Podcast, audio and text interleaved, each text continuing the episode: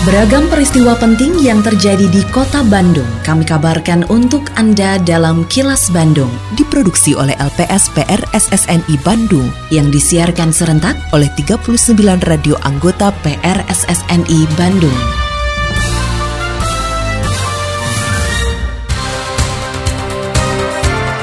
Sejumlah informasi aktual kami hadirkan untuk Anda dan inilah informasi utamanya.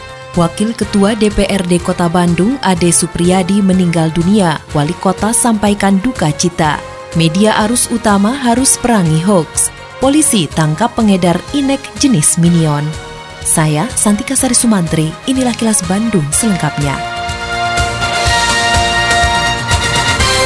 Pimpinan dan anggota DPRD Kota Bandung menyampaikan rasa duka cita atas meninggalnya Wakil Ketua 1 DPRD Kota Bandung Ade Supriyadi pada Senin malam. Ketua DPRD Kota Bandung Teddy Rusmawan mengenal almarhum Ade Supriyadi sebagai pribadi yang ramah, murah senyum dan tak segan menyapa siapa pun yang ditemuinya. Hal tersebut disampaikan Teddy untuk mengenang sosok Wakil Ketua 1 DPRD Kota Bandung Ade Supriyadi yang meninggal dunia setelah menjalani perawatan lebih dari satu bulan akibat penyakit yang dideritanya. Teddy menilai Ade sebagai sosok yang disiplin bekerja dan selalu bisa membackup saat Teddy tidak bisa hadir. Smile face ya, selalu senyum gitu kan, terus selalu menyapa dengan sapaan-sapaan yang luar biasa lah gitu ya. Jadi kalau ketemu dengan orang, itu temanku yang baik hati gitu ya, ketuaku yang semangat selalu gitu, jadi selalu memberikan energi semangat kalau beliau. Dan ketika saya kesulitan dalam artian tidak bisa hadir, beliau selalu siap untuk menggantikan posisi saya sebagai wakil ketua satu ya.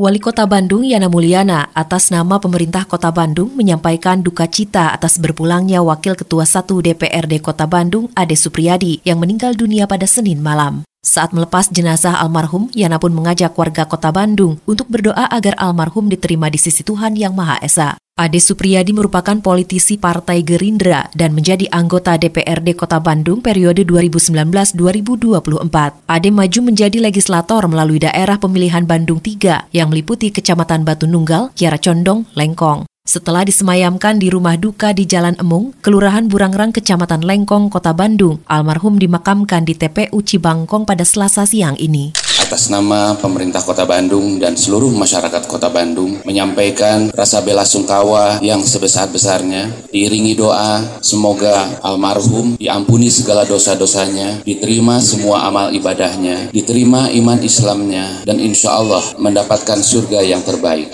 Atas nama pemerintah Kota Bandung dan masyarakat Kota Bandung mengucapkan terima kasih yang sebesar-besarnya atas seluruh pengabdian, atas seluruh yang telah diberikan oleh almarhum dalam ikhtiar ikhtiarnya membangun bersama-sama sehingga kota Bandung saat ini menjadi baik dari yang sudah baik selama ini.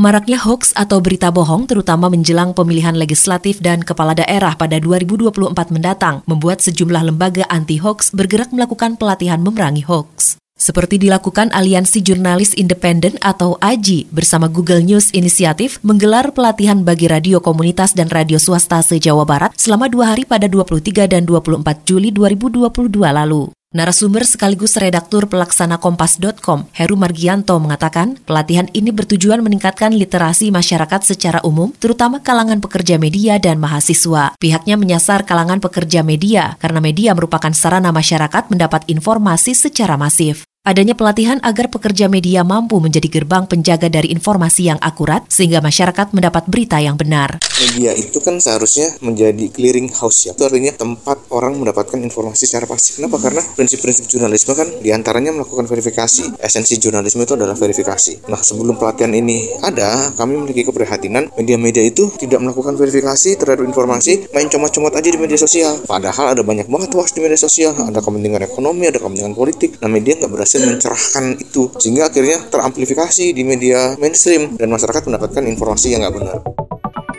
Hai wargi Bandung, kamu tahu nggak kalau Bandung Smart City sekarang punya aplikasi Bandung Super Apps namanya Sadayana atau Semua Digital Layanan Kota. Nah, ada menu apa aja sih di Bandung Sadayana?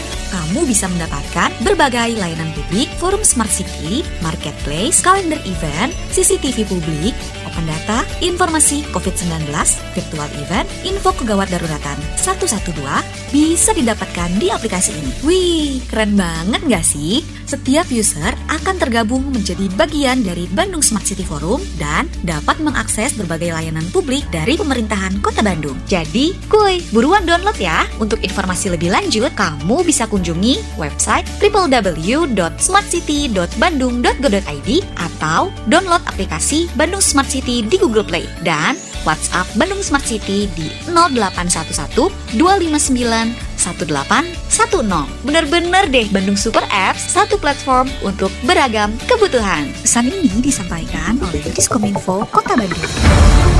Kini, audio podcast siaran Kilas Bandung dan berbagai informasi menarik lainnya bisa Anda akses di laman kilasbandungnews.com. Kasus peredaran narkotika jenis Inex Minion yang baru datang dari Cina berhasil diungkap polisi. Selain menangkap dua orang pengedarnya, polisi juga menyita 322 butir obat berbahaya sebagai barang bukti. Kapolresta Bandung Komisaris Besar Polisi Kusworo Wibowo menjelaskan, kasus ini terungkap setelah adanya laporan dari masyarakat yang ditindaklanjuti dengan penyelidikan. Dari hasil penyelidikan tersebut, polisi berhasil menangkap para tersangka di daerah Bojong Soang, Kabupaten Bandung. Ungkap kasus Inek Minion, Inek jenis Minion ini sebanyak 322 butir, di mana ini asalnya dari Tiongkok.